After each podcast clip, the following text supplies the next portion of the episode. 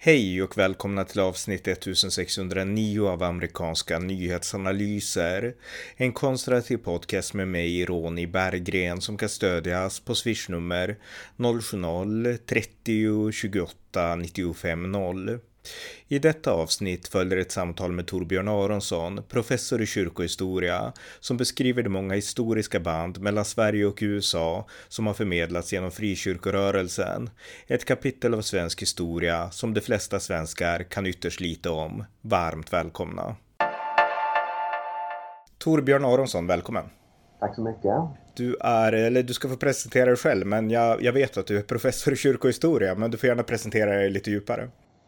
Ja, eh, jo det stämmer det. Jag har eh, som sagt eh, hållit på med akademiskt arbete i, i, i över 30 års tid eh, och började som statsvetare eh, i Lund och, och eh, disputerade statsvetenskap 1990 på en avhandling om konservatism och demokrati.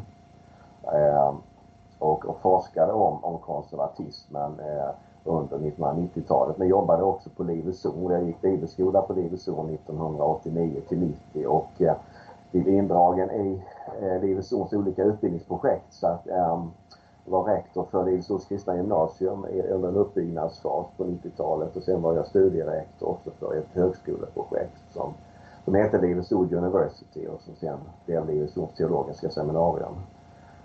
Um, och jag nämner det lite grann i och med att vi ska prata om, om kopplingar, frikyrkokopplingar till USA därför att det här var utbildningsprojekt som skedde i samverkan med, med amerikanska utbildningsinstitutioner. Så att det är något som jag har hållit på med eh, kan man säga från 90-talet och framåt. Ehm, I början på 2000-talet så, så gick jag över och, och, och började syssla med teologi istället. Ehm, läste in teolkand och doktorerade i kyrkohistoria. Så att de sista 15 åren så har jag hållit på med kyrkohistoria då och man kan säga statskunskap och kyrkohistoria ligger inte så jättelångt ifrån varandra egentligen därför att kyrkohistoria handlar om kristen tro i relation till samhället. Eh, brett så att säga så att eh, eh då, ja, det betyder att det, det, finns, det finns många beröringspunkter helt enkelt. Mm. Vart, är du, vart är du verksam nu då?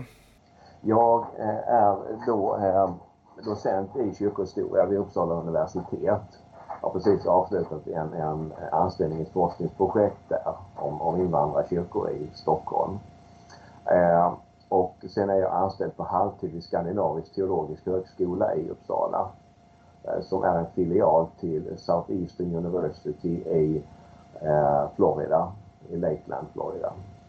Eh, så att eh, så att där är jag eh, verksam nu så att säga. Så att jag blev, jag blev professors kompetens 2013 eh, men jag fick inte någon formell professur i Sverige då därför att här är det kopplat till fast tjänst vid eh, ett statligt universitet. Eh, och jag har bara varit projektanställd och, och visstidsanställd vid Uppsala universitet. Men, men genom att Skandinavisk teologisk högskola blev en, en, en slags filial till Southeastern University så kunde jag kvittera ut eh, titeln där. Just det. Så, att, så att det är därför jag eh, eh, kan använda professorstiteln idag så att säga. Jag förstår. Ja, men jättespännande. Och du har ju skrivit ganska många, du har skrivit artiklar såklart, forskningsrapporter och sådär. Men vi ska utgå idag från en bok som du skrev här om året eh, som heter Varför reste Levi Petrus just till Chicago? Och eh, redaktörer, jag vet inte om det är en antologi det här, jag har inte läst den, men redaktörerna är Jan-Åke Alvarsson. Men eh, den, här, eh, den här boken är intressant därför att Levi Petrus, han var ju för att ge lite bakgrund, han är grundaren till den svenska pingsrörelsen, jag är pingsten själv. Och han, eh, han var ju väldigt väldigt eh, känd i hela Sverige faktiskt när han levde. Han dog väl där på 70-talet och eh, idag så kanske det inte är så många som känner till honom, men han var känd där och då och under en stor del av sitt eget liv. Och eh, svensk pingsrörelse har ju många kopplingar till just USA som vi ska prata om. Men om vi skulle börja med frikyrkorörelsen lite bredare, alltså om vi börjar med till och med reformationen. Jag menar, efter, reformationen så uppstod det olika reformettarkyrkor, väckelsekyrkor och sådär. Eh, hur kom det sig att de och vilken koppling hade de till det som sen blev Amerika lite senare? Ja, alltså eh, de europeiska kolonierna i Amerika eh, grundades med väldigt olika bakgrund. Alltså du har Latinamerika då där det var eh, spanska och portugisiska eh, Eh, kolonier som byggdes upp av, av spanska och portugisiska staten så att säga. Sen i Nordamerika så har vi andra typer av, av kolonisering då och de brittiska kolonierna grundades med väldigt olika bakgrund. Eh, det var starka motsättningar mellan både olika protestanter och mellan protestanter och katoliker i Storbritannien under 1600-talet och eh, olika grupper av dem eh, eh, fick rätt av den brittiska kronan att grunda kolonier i USA. Eh, och flera av dem blev, ska man säga, eh, då pionjärer för eh, en ny statsform egentligen, alltså där religionsfriheten var inbyggd och där kyrka och stat var separerat från varandra.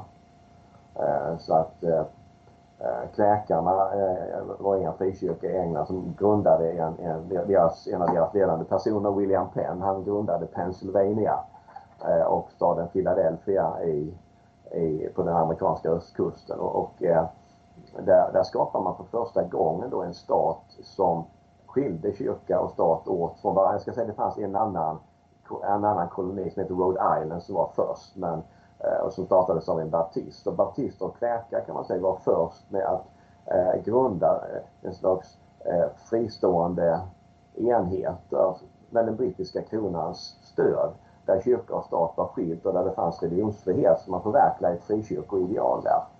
Eh, så att det här kan man säga är början till USAs tillkomst. Att det fanns alltså en frikyrkorörelse som, som fick förverkliga sina ideal eh, i Amerika och, och, och, det blev en viktig bakgrund till framväxten av det amerikanska konstitutionen och, och samhället helt enkelt. Men, men, kan man säga att för de flesta som tänker på alltså att stat och kyrka ska separeras, de tänker på det utifrån ett väldigt sekulärt och kanske till och med ateistiskt ja. perspektiv, att det, det innebär att religion ska inte finnas. Det var inte det de menade, de här alltså? Nej, e- exakt, utan, eh, utan det var att, eh, att staten ska, ska inte favorisera en specifik kyrka och det ska inte finnas något slags integrering av medborgarskap och kyrkomedlemskap. Så att i Sverige så har ju kyrka och stat varit väldigt sammankopplade. Alltså fram till år 2000, om du hade en förälder som var eh, medlem i Svenska kyrkan så blev du automatiskt medlem även om du inte döptes då. Va?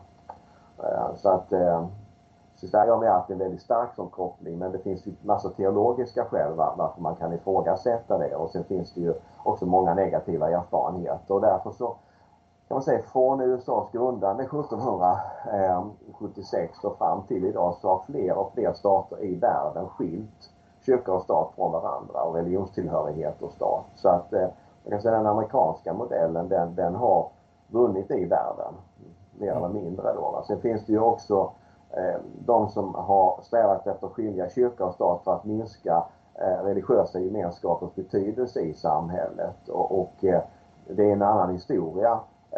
Det är en slags invertering eller radikalisering av, av detta då, där, där ateismen blir en slags ny statsreligion då, som vi hade i Sovjetunionen och de kommunistiska och har i kommunistiska stater. Mm. Men det som hände i USA i alla fall, det var ju att de här, det vi kan kalla för väckelserörelserna blev väldigt slagkraftiga. De fick väldigt mycket liv där, för det fanns frihet för dem att utvecklas ja. som de ville. Och några av de här väckelserörelserna, metodister och andra, de kom ju från England i grund och botten. Men sen så på något sätt så växte de, de frodades i Amerika och sen så togs väldigt mycket av fri, den fria religiösa rörelsen i Amerika, men även England såklart, till Sverige. Kan du beskriva lite hur, hur liksom ja. väckelserörelsen kom till Sverige? Det kan jag göra. Eh, det är en rolig historia. Eh, sen ska man ha klart för sig att det är inte bara eh, frikyrkorna som har påverkats från USA utan även Svenska kyrkan och vice versa så att säga. Så att på 1840-talet så, så tog emigration fart från Sverige till USA. Och då eh, var det både väckelserörelser men också präster i Svenska kyrkan som organiserade emigration till USA. Eh, så att eh, eh det fanns båda sidorna men den, den första väckelserörelsen som liksom eh, emigrerade till USA eftersom det fanns större religionsfrihet, de kallas för Erik Jansarna och det, det var en, en jättespeciell rörelse på 1840-talet i eh, Hälsingland och Uppland och Gästrikland. Och de for över till Amerika för att grunda ett slags idealsamhälle. Eh, och, och de gjorde det då, men det, det föll samman efterhand eh, och sådär. Och eh, vilket fall som helst så träffade många av de här Erik Jansarna på metodister i, eh, i USA eh, och blev metodister. Och eh, eh åkte över sen från USA till Sverige och grundade metodistkyrkan i Sverige. Så det är ett exempel på, på detta. Sen var det andra svenska emigranter som kom i kontakt med baptistkyrkorna i USA. Eh, och eh, de amerikanska baptistkyrkorna ville stödja baptistisk mission i Sverige så att eh, faktum var att när det svenska baptistsamfundet grundades i Sverige och byggdes upp så, så var det med amerikanskt stöd. Och det finns sen mängder av exempel på den här interaktionen som har skett. Och pingströrelsen växte ju fram ur baptistsamfundet i Sverige eh, och eh, där fanns redan starka amerikanska kontakter och man kan säga att man byggde vidare på det och sen har det varit väldigt betydelsefullt under 1900-talet. Men om vi går in lite grann just på pingströrelsen då, för jag tycker att den är ja. extra intressant och den här boken som Precis. jag nämnde, jag, jag upprepar ja. namnet på den. Varför reste Levi Petrus till just Chicago? Så ja. att uh, utgå därifrån och berätta lite grann om pingströrelsens kontakter. Mm. Det kan jag göra. Alltså, eh, pingst, eh, pingstkristendomen eller pentekostalismen är liksom den akademiska term som man brukar använda. Då den började i USA på början av 1900-talet men eh, föregicks av olika väckelserörelser både i USA och Sverige. Eh, och eh, det här var vid emigrationens höjdpunkt lite grann, slutet på 1800-talet, början av 1900-talet. USA stängde ju sin emigration eh, på 1920-talet, eller begränsade den kraftigt. Men före det så, så var det väldigt kraftig eh, interaktion mellan eh, Sverige och USA. Eh, och eh, det gjorde att när pingstväckelsen började i USA, framförallt i Los Angeles 1906, där det var en stor väckelse bland afroamerikaner som spred sig till vita. Eh, och eh, det hände på Azusa Street i Los Angeles då. Eh, och det blev liksom en världssensation därför man talade i tungor där. Och tungotal var väldigt, väldigt ovanligt. Så att det blev väldigt stor uppmärksamhet och ur det föddes pingstväckelsen kan man säga. Och då var det svenskar som var i Los Angeles som drogs med i det redan 1906 och även norrmän. Eh, så att bara på några månader så spreds det här till Sverige. Eh, och det spreds i de nätverk och väckelserörelser som fanns i Sverige då. Eh, så att det är jättefascinerande alltså hur snabbt det här spred sig och det var ju därför att det fanns sådana starka kopplingar genom emigrationen och handeln och, och, och de, de brevväxlade alltså med släktingar i Sverige ja, och reste hem kanske till och med? Och... Det gjorde man och man, man prenumererade på tidningar i USA också.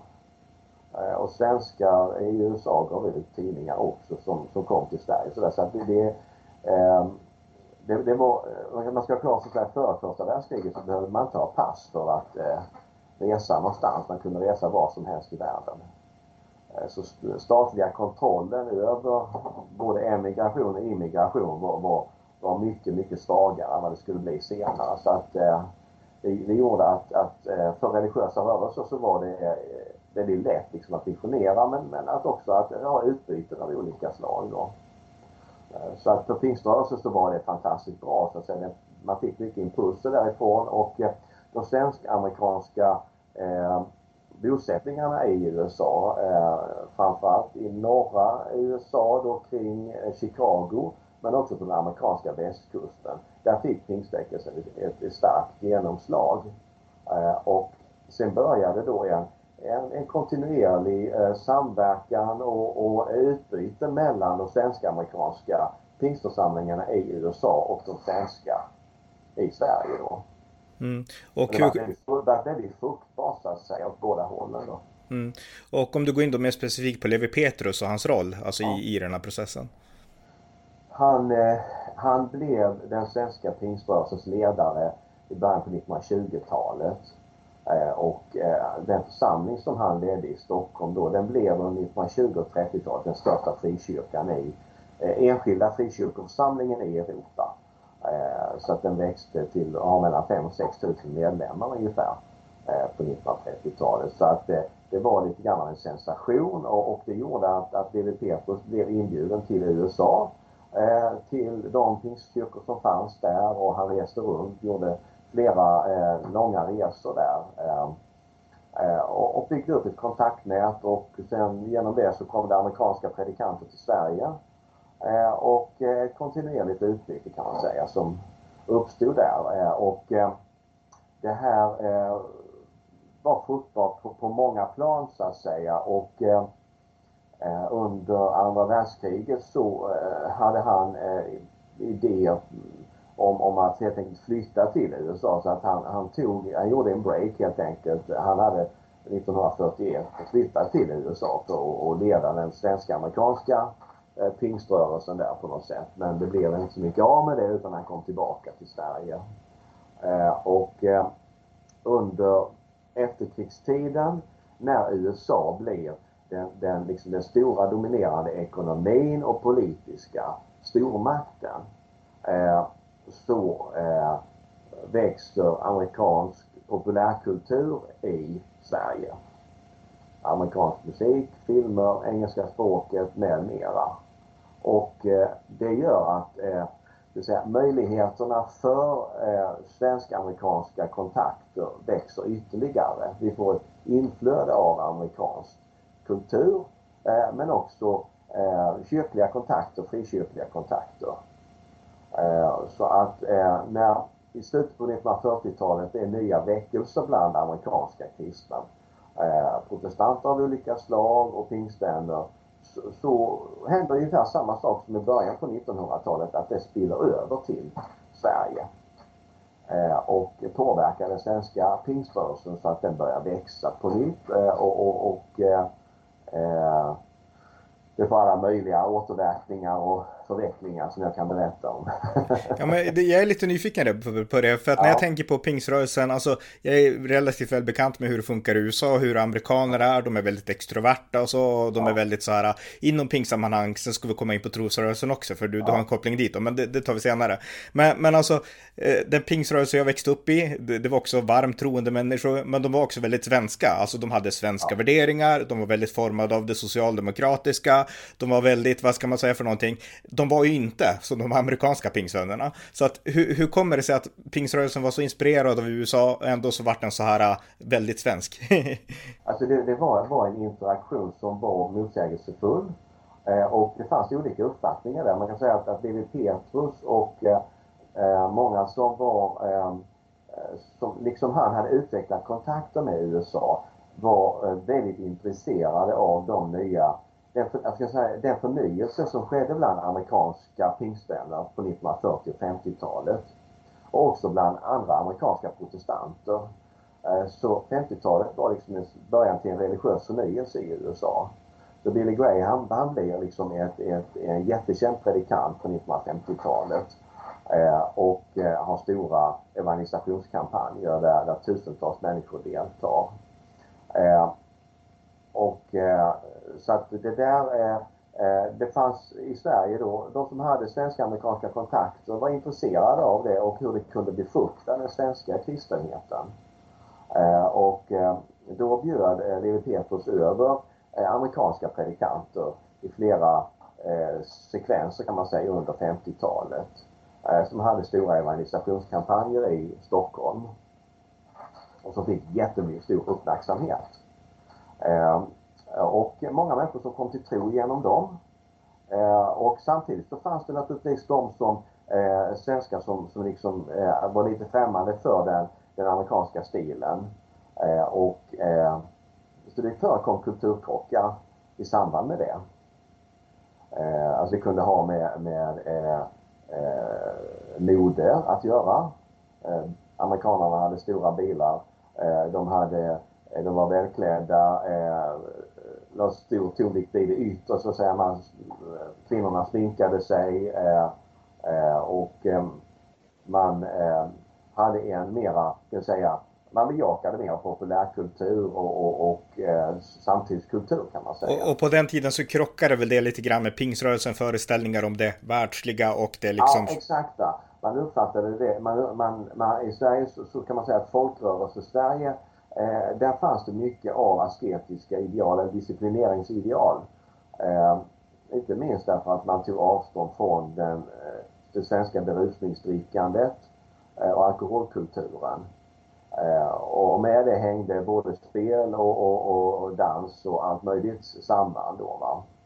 Eh, och eh, när den här amerikanska eh, populärkulturen kommer som inte har en koppling egentligen till ska säga eh, berusningsdrickande eh, och, och, och eh, spel och dobbel och en massa andra Eh, saker så eh, var det lite svårt liksom att, svårt att förstå sig på det helt enkelt. Alltså, det gav för svensk, svenska pingstvänner och kanske andra frikyrkliga och, och andra folkrörelsemänniskor också så, så gav det här liksom eh, vibbar eller associationer som de hade svårt att placera. Eh, så att ehm, det blev kulturkrockar där. Man tyckte att de här amerikanska pingstvännerna har ett världsligt eh, uttryck så att säga i, Får jag inflika en sak också då? Mm. Därför att du var inne på att Sverige har haft en lång, alltså Sverige var väldigt alkoholiserat på 1800-talet och det här är någonting, ingen idag vet ju det här, alltså vi kan inte så mycket om historia i vår samtid, men Sverige var totalt nedsupet, Sverige var på nedgång, Sverige var fattigt och det var svårt i Sverige. Och om vi idag förknippar liksom pingsvänner och så här med moralister så kanske vi kan behöva förstå att det fanns en kontext till varför de vart så. Så kan, kan du kort berätta lite liksom på sidan ja, om, om det? Mm. Jag kan säga att både, både i eh, alltså nykterhetsrörelsen började med väckelsen på 1840-1850-talen i Sverige. Så det är mitten av 1800-talet som det växer fram en rörelse som på något vis vill ta tag i superiet i Sverige. Eh, och superiet var kopiöst eh, och eh, eh som sagt det, det påverkade hela landet, alla byar, alla socknar. Så, så, så, var det här liksom ett grundläggande problem då. Eh, att man Eh, ja, allting som följer av, av eh, alkoholmissbruk eh, fanns väldigt spritt så att säga. Och då växte det fram nykterhetsrörelser som eh, betonar avhållsamhet från eh, alkohol. Det olika, det fanns så småningom både sekulära nykterhetsrörelser och kristna nykterhetsrörelser. Och eh, pingströrelsen den växte fram som en del av, det. Kom lite senare då och eh, nykterhetsidealen då var redan etablerade då så att eh, eh, man, alltså nykterhet stod för, för, tanken på ett skötsamt liv och, och, och eh, eh ta hand om sin familj och, och, och sköta sitt arbete också på ett bra sätt. Så kan man säga en, en bra livsstil helt enkelt. Mm. Och när då de här amerikanerna kom som inte alls hade den bakgrunden, de var kristna men de hade ja. inte det här med att man ska inte sminka sig, man ska inte liksom, man kan aldrig dricka, då skar det sig lite grann. Ja då skadar sig lite grann. Alltså, jag tror att eh, när det gäller alkohol, eh, eh, inställningen till alkohol så tror jag den var gemensam. Eh, att, att, eh, så att nykterhetsrörelsen eh, har varit stark i USA också så att jag tror inte att det skar sig där men, men mera det här är eh, mera eh, Alltså man ska ha klart för sig också att eh, den amerikanska ekonomin var väldigt stark efter andra världskriget medan resten av världen hade det betydligt sämre. Eh, så det har naturligtvis också med det amerikanska överflödet att göra. Alltså att, att, att man hade en, en, en högre levnadsstandard i många grupper i USA. Ja, men inte bland alla naturligtvis, men, men många hade det bättre och det här eh, kom till uttryck eh, också. Eh, bland predikanter i Sverige så fanns det också tankar om, särskilt i frikyrkorörelsen, att, att predikanter skulle helst Eh, tillämpa ett slags fattigdomsideal så att säga. Att, att man, man, man levde på, på väldigt låga löner eh, och, och, och eh, eh, egentligen mycket naturahushållning också. Alltså att eh, eh församlingens medlemmar bjöd pastorn på mat och, och, och, och, och eh, stöd, mm. en cykel kanske, eller stöd till, köpte man en bil så betalar församlingen bil bilkostnaderna så att säga. Det, det var, var en, en, en, ganska låg levnadsstandard för många predikanter i Sverige och sen kommer amerikanare hit som, eh, som tänker annorlunda då, så blir det en clash. Ja, intressant. Men om vi skulle gå vidare lite mer, vi, vi håller oss kvar lite vid pingsrörelsen men även andra frikyrkorörelser. Vad har det här amerikanska, den här amerikanska påverkan, om vi säger så, vad har det betytt för Sverige lite mer övergripande, alltså kontakterna mellan frikyrkorörelsen i USA och Sverige? Vad har det betytt för, för Sverige som land och inte bara frikyrkorörelsen? Ja, alltså man kan mm. säga att det här är, det här, det har, det, det, alltså från 50-talet och framåt eh, Eh, ungefär 50 år framåt så, så innebar det att, att mycket nya impulser till förnyelse av kristen verksamhet kom från USA. Nya sätt att arbeta bland, för kyrkor och församlingar. Eh, så att det hade både med evangelisation att göra och gudstjänstliv och, och, och hur man kan eh, nå ut med evangeliet. Eh, så att eh, i den här boken då, eh, Varför reste Levi Petrus just i USA, så, så har jag skrivit en artikel om Eh, ett av de mest liksom eh, otippade och ovanliga samarbeten som förekom eh, och som fick stora återverkningar. Och det var en organisation som heter Full Gospel Businessmen, eller heter det, som var en sammanslutning av eh, kristna affärsmän, företagare, pingstvänner. Och de ville sprida tron till Eh, Eh, andra företagare och folk som var yrkesverksamma och hade därför gudstjänster på arbetsplatserna som man bjöd in till. Eh, och det blev populärt i USA och eh, Levi Petrus tyckte att det här var en bra idé och han är liksom, tillsammans med svenska amerikanska företagare så sponsrade man till Stockholm i mitten på 60-talet i flera, flera år i rad då resor med ungefär 150 till 200 amerikanska företagare som kom till Stockholm eh, och predikade i gudstjänster eh, i Stockholms kyrkor. Mm. Och eh, det blev jätteuppmärksammat och, och innebar att pingstkristendomen med tro på helande, tungotal, profetia och så vidare började spridas in i de äldre kyrkorna i Sverige. Så det blir början till en karismatisk förnyelse där. Intressant, intressant. Eh, jag har också läst, jag har läst, alltså Leif Petrus stod innan jag var född, men jag har läst en del av hans böcker och sådär och jag tycker han, ja. är, han är intressant. Och när det kommer till det amerikanska, jag har ju haft det här intresset i, ja, hela mitt vuxna liv egentligen för USA, så har jag noterat att han är ju väldigt pro-amerikansk i väldigt mycket han skriver. Eh, och att han är väldigt, även Vietnamkriget så har jag läst att han var, han stödde USAs insats i Vietnam. Eh, ja. Men det jag kan känna det är att det vet inte jag, utan jag frågar dig då. Så att när ja. Levi Petrus stod, tog det liksom, försvann den här eh, positivismen till USA då? För jag tänker att det sammanfaller lite grann med Vietnamkriget när det blev väldigt starka vänstervindar i Sverige och så. Och de har ju påverkat även frikyrkan. Ja, absolut. Eh, det är en jättebra fråga. Va? Inflödet från USA var, såg, var, var ganska brett så att säga. Så att det, det, det, det sista som Levi Petrus gjorde var faktiskt att han tillsammans med den här företagarorganisationen bjöd in eh, kristna hippies från USA till Sverige, det så kallade Jesusfolket. Eh, och eh, det, det, var ju en helt annan typ av då eh, eh strömning kan man säga. Eh, kulturströmning om man säger så. Eh, så att eh, överhuvudtaget så, så är det intressant därför att det visar på den kristna trons förmåga att, att överbrygga kulturgränser. Alltså de här eh, eh kristna företagarna, de, de, amerikaner och svenska amerikaner, de hade slips och hur proppar som helst. Men de såg att de här kristna hippies, alltså det här var hippies som hade då levt i droger, missbruk eh, och, och eh, ja, förverkligat 68 generationens alla eh, eh uttryck så att säga. Men hade kommit till tro på Jesus, då, då så, de såg möjligheten att sprida den kristna tron bland unga svenskar genom dem.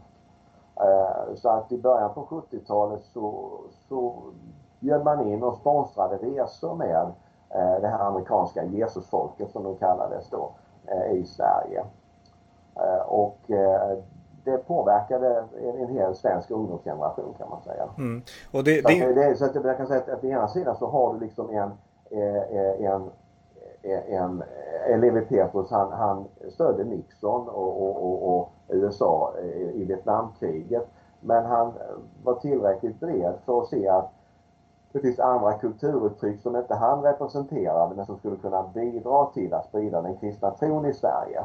Mm. Eh, och, och, då kunde han liksom eh, han, han, kunde liksom skilja på saker och ting så att säga och, och bjuda in eh, grupper som kanske stod för en kultur som skilde sig från hans.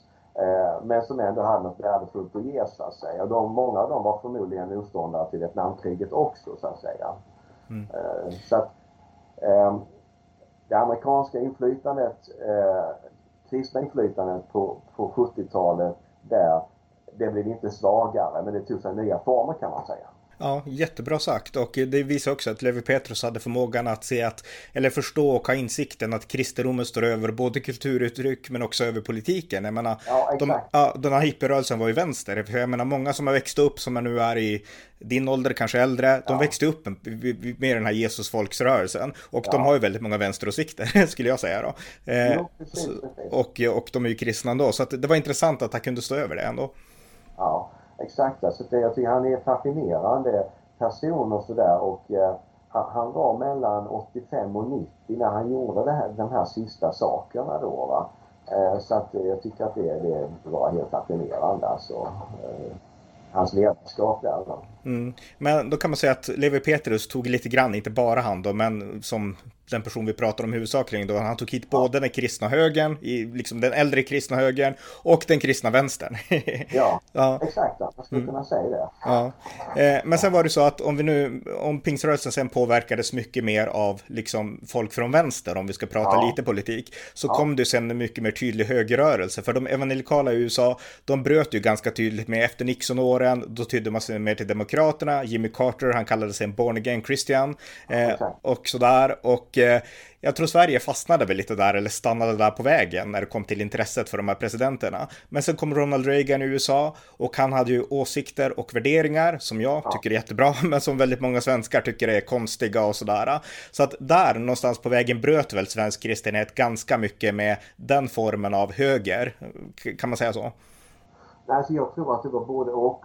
Alltså, eh, alltså det, här, det här är jätteintressant men, men eh, men eh, eh, Ronald Reagan han hade ju en, eh, en kristen demokratisk motståndare som hette Jesse Jackson. Eh, och eh, både Reagan och Jesse Jackson hade ganska mycket kontakter med pingstvänner i USA. Eh, och båda var respekterade inom de lägren. Eh, så att, eh, ja, det är bara intressant. Alltså i Sverige så kan man säga så så, så har på något vis vänster sekulariserats eh, eller var sekulariserad. Alltså den svenska vänsterrörelsen som kom från 68 framåt var väldigt sekulariserad, religionsfientlig och förstod sig inte på det här riktigt. Så att Jesse Jackson, Martin Luther King och en del andra medborgarrätts Eh, kämpar då eh, som politiskt sett i USA ligger till vänster eh, deras kristna tro uppmärksammades inte i Sverige. Eh, utan man kanske idealiserade dem men man låtsades som att de inte var kristna ungefär. Eh, så man, man beskrev Ronald Reagan som kristen höger då va? men, men eh, de här de var vänster bara skulle man kunna säga. Mm. Det är intressant. Det är intressant därför att det här, nu gör jag ett sidospår till där för det är så intressant att prata med dig, men det är ju lite som man gör idag när man försöker beskriva, alltså fortfarande, Winston Churchill, men han var förmodligen ateist och USAs författningsfäder av Washington, han, han pratade om Gud för det gjorde man, men förmodligen var han ateist. Alltså det, det är lite den jargongen som finns i svenska historikers beskrivningar av personligheter som de finner intressanta och fascinerande, men där de inte begriper den kristna tron. Exakt. Mm. Nej, så det tror jag är, så att eh Eh, nej men jag tror att på 80-talet så har vi ju eh, en, en, en ny höger i Sverige också. Eh, med eh, Gösta Bohman, under Gösta Bohmans ledarskap så fick ju Moderaterna fick ju en, en framgångsperiod där. Eh, och där man också hämtade över mycket från USA där den amerikanska högerns nya idéer på olika sätt eh, fördes över till Sverige. Eh, och eh, man kan säga att, att i, i, Sverige på 1980-talet så skulle jag vilja säga att Livets Ord stod för en, eh, för en koppling till amerikansk kristenhet. Samtidigt som man samtidigt som man tog väldigt stark ställning mot socialism. Ja, men, men, vänta, vänta i så fall skjuta in ja. där, för då kan vi komma in på Livets Ord, för det är det som är lite intressant också. Ja. Livets Ord grundades ju, liksom kyrkan i alla fall, 1983 i Uppsala då. Ja. Och eh, där finns det ju en direkt koppling till amerikanska kyrkor och så, som jag tror är väldigt förbisedd i Sverige. För i Sverige på 80-talet framför allt, jag minns ingenting av den tiden, men det jag vet och har förstått det är att det blev väldigt sektklassifierat av liksom media i Sverige och så. Eh, men det finns en liksom, om du berättar om den amerikanska kopplingen till att börja med. Ja, absolut. Man kan säga att, att eh, det är egentligen en fortsättning på det här med Jesusfolket. Eh, så att eh, eh så att Bibelns startades inte som en del av eh, någon av de äldre svenska frikyrkorna utan var en, en samfundsoberoende församling från början och startades av unga präster i Svenska kyrkan. Eh, och de hade kommit till tro genom Jesusfolket. Eh, så vet Ekman, han blev frälst. Eh, han kom från en sekulariserad svensk arbetarfamilj i Göteborg. Men, men kom till tro genom kontakten med Jesusfolket. Eh, och han hade vissa kontakter med Svenska kyrkan under sin uppväxt men ingen kontakt med frikyrkan nästan alls. Och i Uppsala så läste han så småningom teologi och hade kontakt med amerikanska evangelikaler. Men inte mycket med svenska frikyrkor.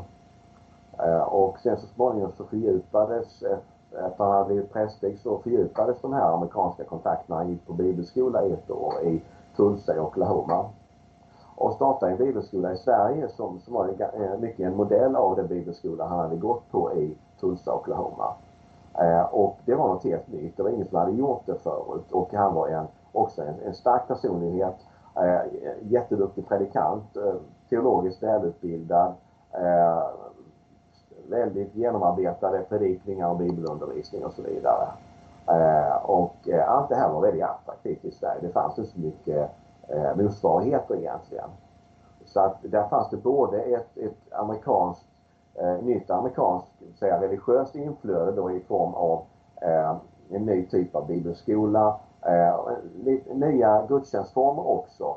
Eh, och eh, på något vis mer bejakande av den amerikanska stilen då, mm. överhuvudtaget. Så att eh, allt det där var attraktivt i Sverige och det gjorde ju att det var väldigt mycket svenskar som sökte sig till Livets Ord till konferenser och bibelskolor. Samtidigt så eh, tog ju Ulf Ekman från början avstånd från eh, socialismen. Han höll en stor predikan 1985 då där han, han eh, gick in i politiska frågor vilket var väldigt ovanligt för predikanter och präster i Sverige på den tiden. Han höll en predikan som hade rubriken Vi behöver en ny regering.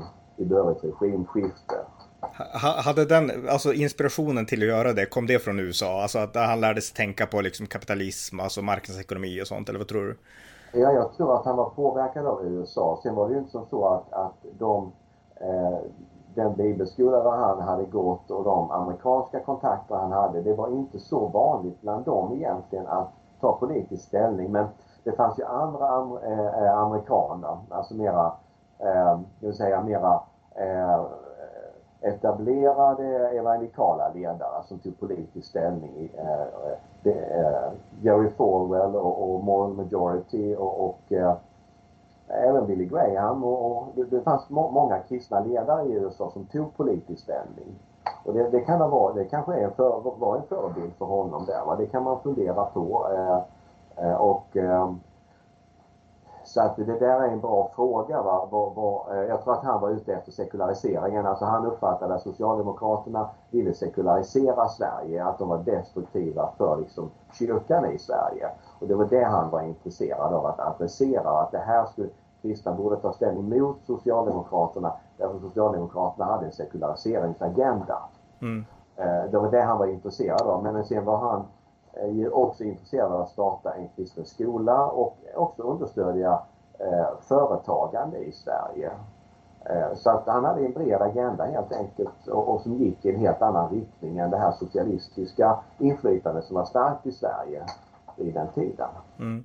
Om vi då diskuterar, det här är ju inte ett samtal om Livets Ord, men kyrkor, alltså det hände ändå vissa saker när Ulf Ekman kom in och han började predika ett ganska, en ganska amerikaniserad form av kristendom ja. och eh, ett politiskt budskap som definitivt inte var gängse bland liksom pastorer och präster i Sverige.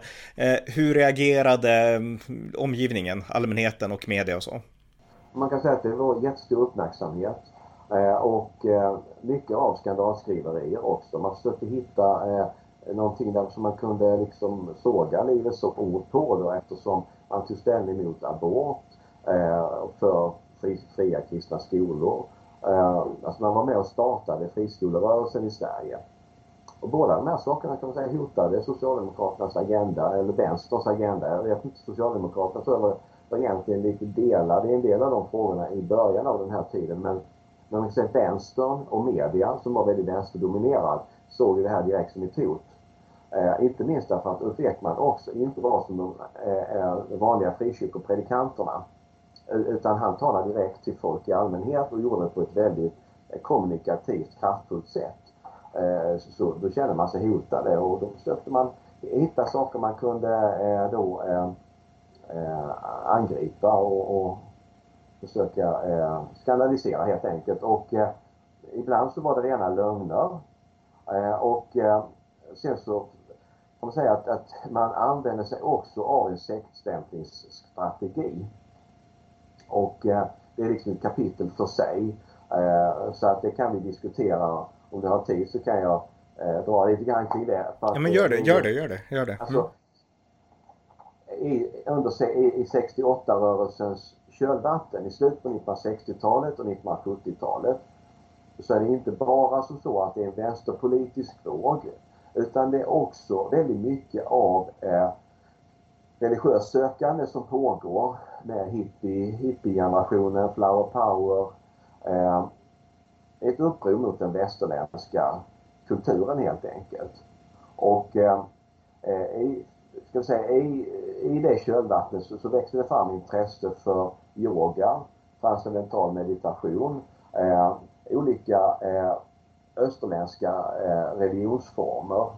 Eh, Hare Krishna, buddhism av olika slag eh, och också nya eh, märkliga religiösa eh, grupper eh, som, som plockade från alla möjliga håll. Det som man brukar kalla för new age då.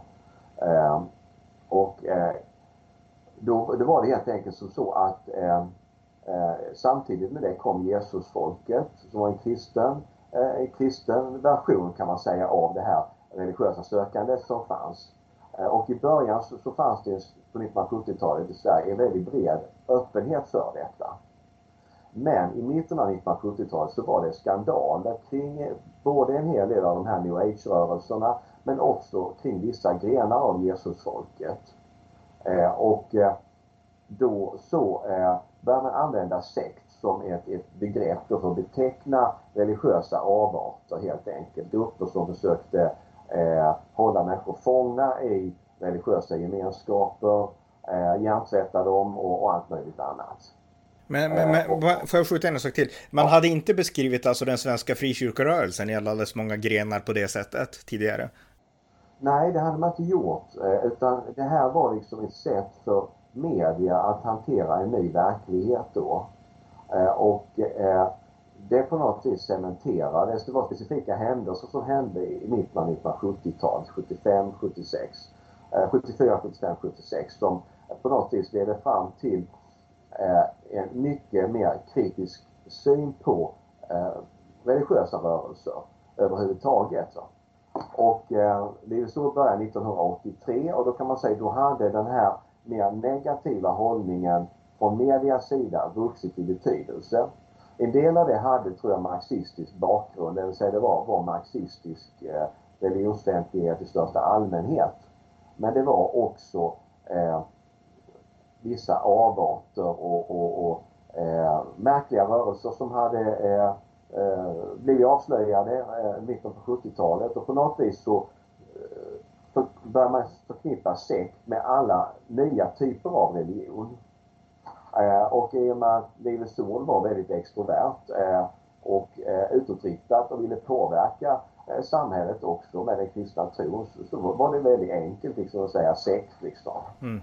Men det var ingen sekt, det var, var knappt en församling utan det var mycket en bibelskola och missionsverksamhet så att säga. Så småningom blev det en stor församling men det var inte det på 80-talet. Alltså. Nej, och det är jätteviktigt att du berättar det här, därför att de flesta är svenskar idag, de tänker också på Livets Ord som en sekt. Och jag menar, jag känner ju till, jag har växt upp inom, jag har varit på Livets Ord ofta och sådär, så att jag känner till alla de här liksom avhoppare och liksom baksidorna som kan finnas i alla församlingar, men som har funnits inom Livets Ord utan tvekan.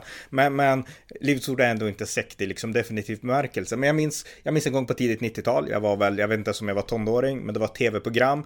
Ulf Ekman intervjuades och så satt en religionssociolog där i tv-programmet. Och sen så höll han på att prata om att du Ulf Ekman, du, du menar att demokrati, demonkrati har du sagt, menade den här sociologen. Och jag vet inte om det han sa var sant eller inte, men jag kände ju, jag minns att jag kände att det här är ju liksom, vilken svartmålning. Eh, så minns jag att jag läste en bok av Ulf Ekman som hette Gud, staten och individen, som handlade om, ja, hur han då tolkade att man som kristen skulle tänka på ett samhälle, att man skulle tro på nationen, kyrkan, familjen och sådana saker. Och jag tyckte att det var en väldigt bra bok, väldigt inspirerande och föll i linje med hur jag tänkte också i mångt och mycket. Eh, vad tänker du alltså kring... Alltså, ja, man kan säga att ja. det, var, det var helt Alltså man kan säga att Ulf Ekman var kritisk till den svenska folkrörelsedemokratin. I, eh, särskilt som den hade utvecklats i frikyrkan när vänstervågen slog in i frikyrkan. Eh, där, och, och, även i Svenska kyrkan. Eh, där demokratin, eh, församlingsdemokratin blev inte bara ett sätt att fatta beslut om eh, liksom, vilken pastor man ska anställa och hur budgeten ska se ut utan också i själva trosfrågor då. Eh, när man lät demokratin i kyrkan eh, vara överordnad Bibeln exempelvis. Eh, och det var det som han adresserade där. Mm. Eh, så att han, han ville inte att, att, att demokratin eh, skulle eh, ta över den, den kristna trons liksom, grundläggande fundament. Då? Utan i, i församlingen så, så, måste demokratin vara begränsad av naturliga skäl. Mm. Eh, annars får man en utveckling som i Svenska kyrkan idag där, där man använder demokratin för att sekularisera kyrkan. Eh, och, och eh, det har funnits sådana tendenser i frikyrkan också. Och det var det han menade med demokrati då. Va? Just det. Men däremot så uppmuntrade han ju ett kristet politiskt engagemang så det är därför som Ebba Busch växte upp på, på Livesån. Eh, gick i Livesåns kristna skola och, och upplevde det här engagemanget för kristna friskolor där och det tror jag har säkert varit viktigt för henne. Mm. Vi har också Elisabeth Svantesson som, som är eh, eh, en av de ledande moderaterna idag. Alltså, eh, Eh, hon är också väldigt formad av Livets Ord och, och, eh, hennes politiska engagemang började där. Så att Livets Ord har producerat eh, politiker i, i olika borgerliga partier faktiskt. Mm, ja, verkligen. Eh, ja, nej, men det är intressant och eh, det är intressant att se också hur det här amerikanska kom in. För det är väl det jag vill betona med den här boken då, att den faller väldigt mycket i linje där jag nämnde gudstaten och individen med hur man tänker i USA. Just det med ja, att nation, det var dit jag ville komma egentligen. Ja, Så att, ja. ja mm. precis. Jo men det, det stämmer det. Så att, att den amerikanska, jag tror att den amerikanska kristenheten den blev mobiliserad på 70-talet eh, i politiska frågor. Sen har det, det på något vis vuxit, det eh, politiska engagemanget bland amerikanska kristna. Eh, och, och, det tror jag eh, påverkade Sverige och påverkar Livets Ord också. Eh, att, att vilja eh, Eh, istället för att skilja eh, kristen tro och politik åt som man har gjort mycket i Sverige i en Luthers tradition så har man skilt på det. Mm. Eh, och, och, och eh, Levi Petrus men också Ulf Ekman då eh, såg väldigt tydligt att det fanns en, en medveten politisk sekulariseringsagenda. Eh, och, och eh, sättet att mota det, det var helt enkelt att få kristna att engagera sig politiskt. Då. Mm.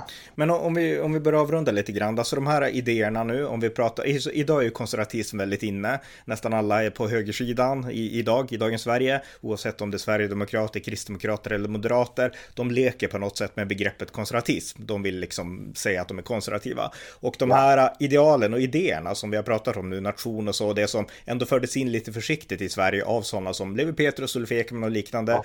det är väldigt kopplat till det amerikanska och där är de här begreppen, oavsett om vi pratar om familj, om vi pratar om nation, det är väldigt kopplat till kristen tro. Alltså där ja. i USA är det ju, det vet alla som liksom förstår USA att det är så. Medan i Sverige så försöker man idag på något sätt använda de här begreppen, men man har inte den här kristna kopplingen som är naturlig i USA. Ser du några nackdelar med att man nu i Sverige försöker, man försöker liksom upphöja nationens ställning, familjens ställning, men man saknar den här kristna, kristna grunden som, som amerikaner ändå har i mångt och mycket?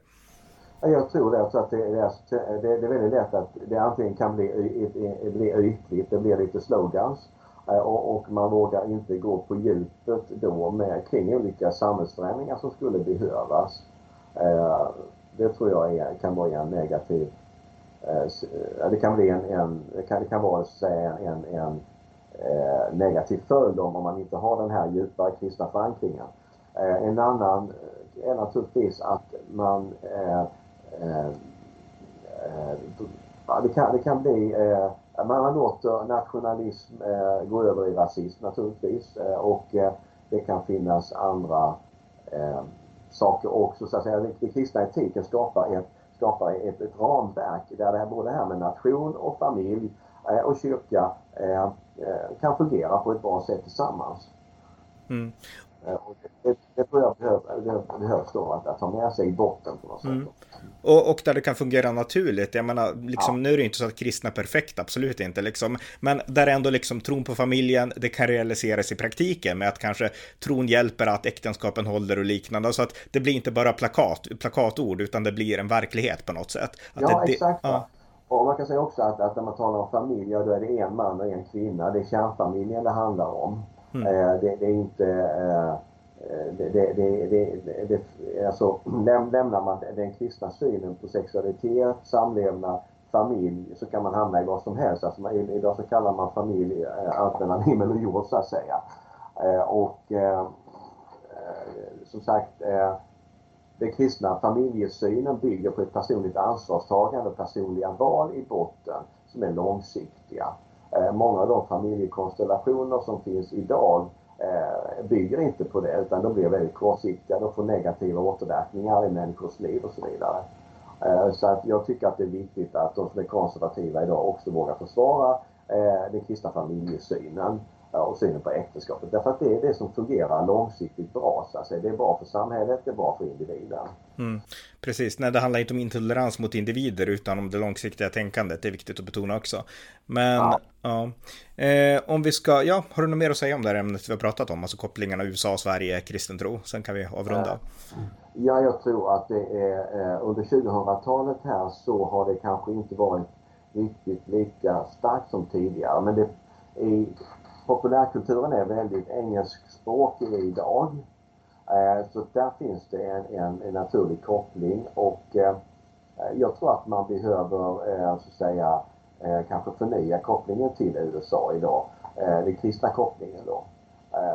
Det har varit väldigt fruktbart tidigare, jag tror det kan vara fruktbart idag också. För att vi, och vi kan befrukta USA också, alltså det är den europeiska och det är amerikanska, eh, det finns eh, olikheter och det finns likheter och därför är det befruktande bara att, att, att säga, ha utbyten då. Men, ja, precis. Men jag personligen, jag ser ju lite grann att det växer en stark vänstertendens bland evangelikala i USA också. Och eh, det undrar är helt enkelt, alltså har vi, kan vi fortfarande få något från USA eller med tvärtom kanske att USA bör lära av oss eller alltså USA, om vi tar 50-talet och bakåt, då var ja. ju USA centrum för evangelikal kristendom i världen, så spreds ja. det liksom. Men men, det är ju kanske inte riktigt så idag längre. Hur, vad, kan vi, vad kan vi få ut av USA idag så att säga? Eh, ja, eh, jag tror att den här kopplingen till amerikansk konservatism, eh, den politiska rörelsen i USA, eh, den konservativa rörelsen är väldigt stark. Eh, I Sverige så, så, så är, är, det en begynnelse då, så jag tror att det finns mycket att lära där. Sen är ju den amerikanska konservatismen, det, det finns många olika grenar på det, på det trädet då. Och jag tycker ju att eh, den svenska, alltså den, den svenska frikyrkligheten skulle behöva befruktas av amerikansk konservatism. Då, det, det, tycker jag är en sak som behöver ske och ehm, eh, överhuvudtaget eh, tror jag att den amerikanska konservatismen då genom sin bredd och, och eh, allt vad den står för så att säga har mycket att, att bidra eh, i Sverige. Då. Jag tycker att svenska konservativa behöver lära av, av amerikansk konservatism och, och eh, botanisera i det som finns där helt enkelt. Eh, jag tycker det, det mesta av amerikansk konservatism är bra och, och kan bidra i Sverige.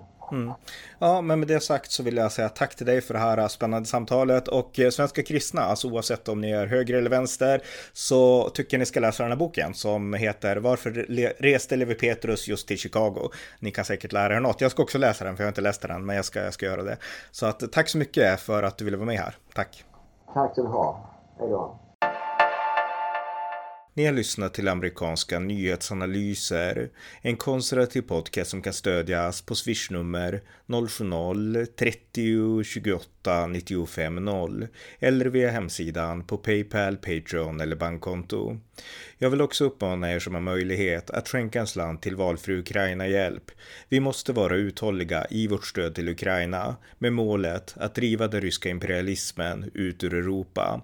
Så om ni har möjlighet, stöd Ukraina. Det var allt för denna gång. Tack för att ni har lyssnat.